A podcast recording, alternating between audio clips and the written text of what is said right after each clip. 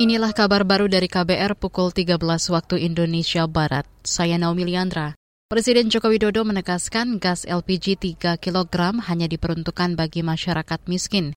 Ini diungkapkan Jokowi merespons kelangkaan gas LPG bersubsidi beberapa waktu terakhir. Gini, jadi LPG itu terutama yang bersubsidi ini memang diperebutkan di lapangan dan itu hanya untuk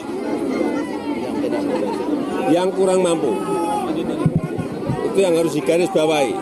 Jadi mengenai kelangkaan nanti biar Pak Menteri BUMN yang jawab ya karena itu menyangkut Pertamina di bawah beliau ya.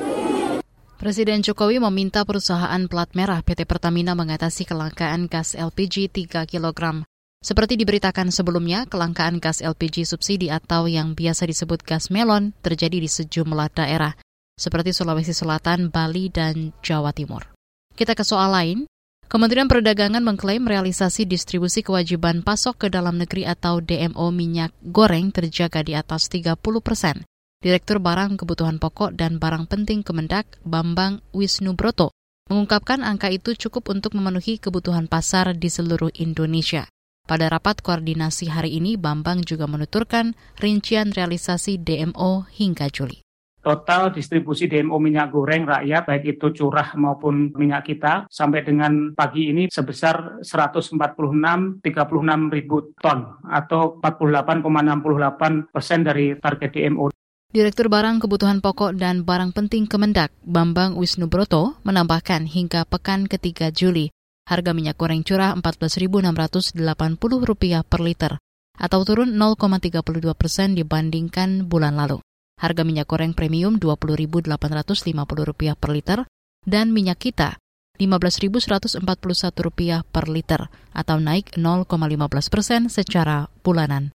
Beralih ke informasi kesehatan, Saudara, salah satu penyebab masih tingginya angka stunting adalah kegagalan ibu dalam menyusui anaknya. Hal itu diungkapkan Kepala Badan Kependudukan dan Keluarga Berencana Nasional BKKBN Hasto Wardoyo hari ini. Kita cukup prihatin karena banyak yang enam bulan tidak disusui dengan sukses. Hanya 62 persen yang menyusui. Nah ini bagaimana Bina Keluarga Balita ini bisa mencegah stunting kalau bisa mendorong menyusui sukses. Dan alasan uh, utama untuk tidak menyusui adalah ASI tidak keluar. Ini yang saya sayangkan juga. Jadi saya kira ini konkret saja. Menyusui itu penting dan menyusui itu bisa. Jadi kalau ada yang merasa ASInya tidak keluar, sebetulnya yang salah bukan ASInya. Jadi mohon maaf ini mohon izin saya tidak mengurangi rasa hormat, tetapi yang salah ya yang menyusui. Kepala BKKBN Hasto Wardoyo mengingatkan pentingnya menyusui di seribu hari pertama untuk pertumbuhan anak.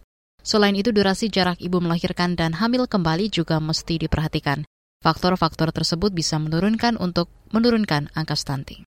Demikian kabar baru, saya Naomi Liandra undur diri.